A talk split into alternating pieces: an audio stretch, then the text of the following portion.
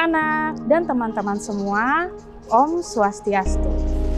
Hari ini Miss Nesi mau berbagi pengetahuan tentang ajaran Tri Pramana. Ajaran Tri Pramana adalah ajaran yang mempelajari tentang tiga kemampuan yang dimiliki oleh manusia. Tri Pramana terdiri dari dua kata, Tri dan Pramana. Tri yang artinya tiga dan Pramana yang artinya kemampuan. Jadi, Tri Pramana artinya adalah tiga kemampuan yang dimiliki oleh manusia, yakni sabda, bayu, dan idep. Nah, kalau manusia memiliki Tri Pramana, lalu bagaimana dengan tumbuhan dan juga hewan? Tumbuhan dan hewan juga diberikan kemampuan oleh Sang Yang Widiwasa. Hanya saja jumlah dan kesempurnaannya tidak sama dengan manusia. Pada hewan, kemampuan yang dimiliki hanya dua, yakni Bayu dan Sabda, yang disebut dengan Dwi Pramana. Dan pada tumbuhan hanya memiliki satu kemampuan, yakni Bayu, yang disebut dengan Eka Pramana. Yuk kita bahas satu persatu apa saja sih pengertian dari Sabda, Bayu, dan Idep. Yang pertama adalah sabda. Sabda artinya kemampuan untuk berbicara atau bersuara. Tuhan atau Sang Yang Widiwasa memberikan kemampuan ini kepada manusia agar manusia dapat berkomunikasi dengan manusia lainnya. Dengan adanya kemampuan ini, manusia juga dituntut agar mampu mengendalikan setiap perkataannya, agar sejalan dengan ajaran Dharma. Seperti yang terkutip di dalam kitab Saras Camuscaya, perkataan yang maksudnya baik dan diucapkan dengan baik pula, maka akan menimbulkan kebahagiaan dan ketentraman hati. Tetapi sebaliknya, ketika perkataan penuh dengan maksud yang baik, tetapi diucapkan dengan penyampaian yang salah, maka akan menimbulkan sakit hati.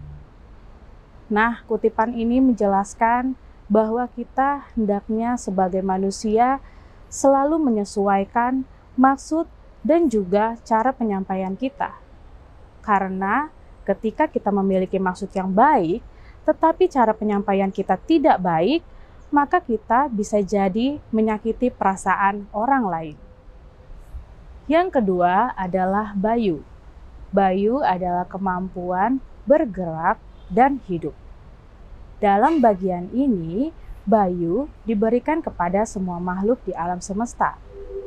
Manusia, hewan, dan tumbuhan semua diberikan kemampuan untuk bergerak dan hidup.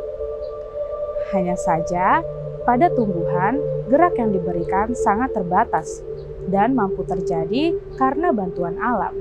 Sedangkan pada manusia dan hewan mampu bergerak secara aktif dan berpindah dari tempat yang satu ke tempat yang lain. Sang Yang Widiwasa memberikan kemampuan ini kepada manusia agar manusia dapat memenuhi kebutuhannya. Seperti yang terkutip di dalam kitab Bhagavad Gita, Adiyaya 3, Sloka 8. Bekerjalah seperti apa yang sudah ditentukan. Bekerja lebih baik daripada tanpa bekerja. Dan tubuh juga tidak akan terpelihara dengan baik tanpa bekerja. Dalam kutipan ini dijelaskan bahwa hendaknya kita sebagai manusia untuk selalu bekerja, karena dengan bekerja kita akan mampu memenuhi kebutuhan. Dan ketika tubuh kita bergerak, maka tubuh kita akan sehat, lebih sehat daripada tubuh yang tidak melakukan pergerakan sama sekali.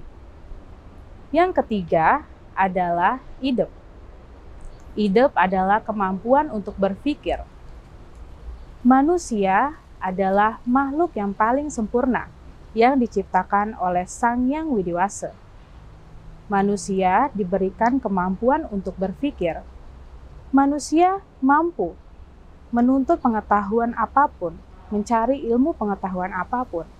Manusia juga mampu membedakan mana yang salah dan mana yang benar, mana yang baik dan mana yang buruk anak-anak dan juga teman-teman di dalam ajaran Tri Pramana ini kita diajarkan untuk selalu bersyukur karena kita sudah dilahirkan menjadi makhluk yang paling sempurna, yakni manusia.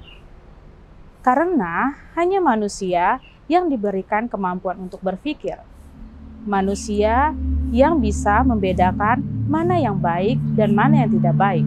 Manusia juga mampu membedakan mana yang benar dan mana yang salah.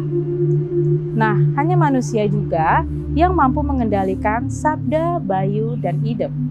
Ketika kita sudah mampu mengendalikan ketiganya, maka kesejahteraan secara lahir dan batin dapat kita capai.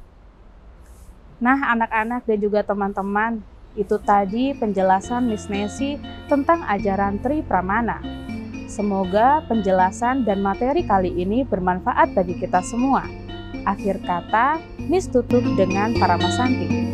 Om Santi Santi Santi